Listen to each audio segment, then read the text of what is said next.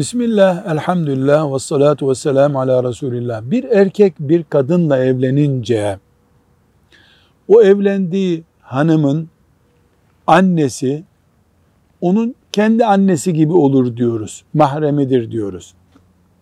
Peki boşandıktan sonra daha önce karısının, karısı olan kadının annesi ne durumdadır?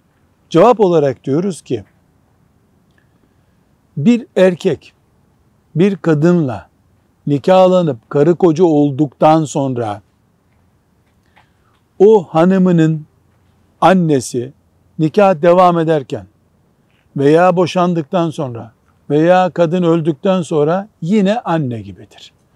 Ebedidir. Nikahlanıp karı koca olduktan sonra kaynana bir daha kaynanalıktan çıkmaz dini hüküm olarak. Velhamdülillahi Rabbil Alemin.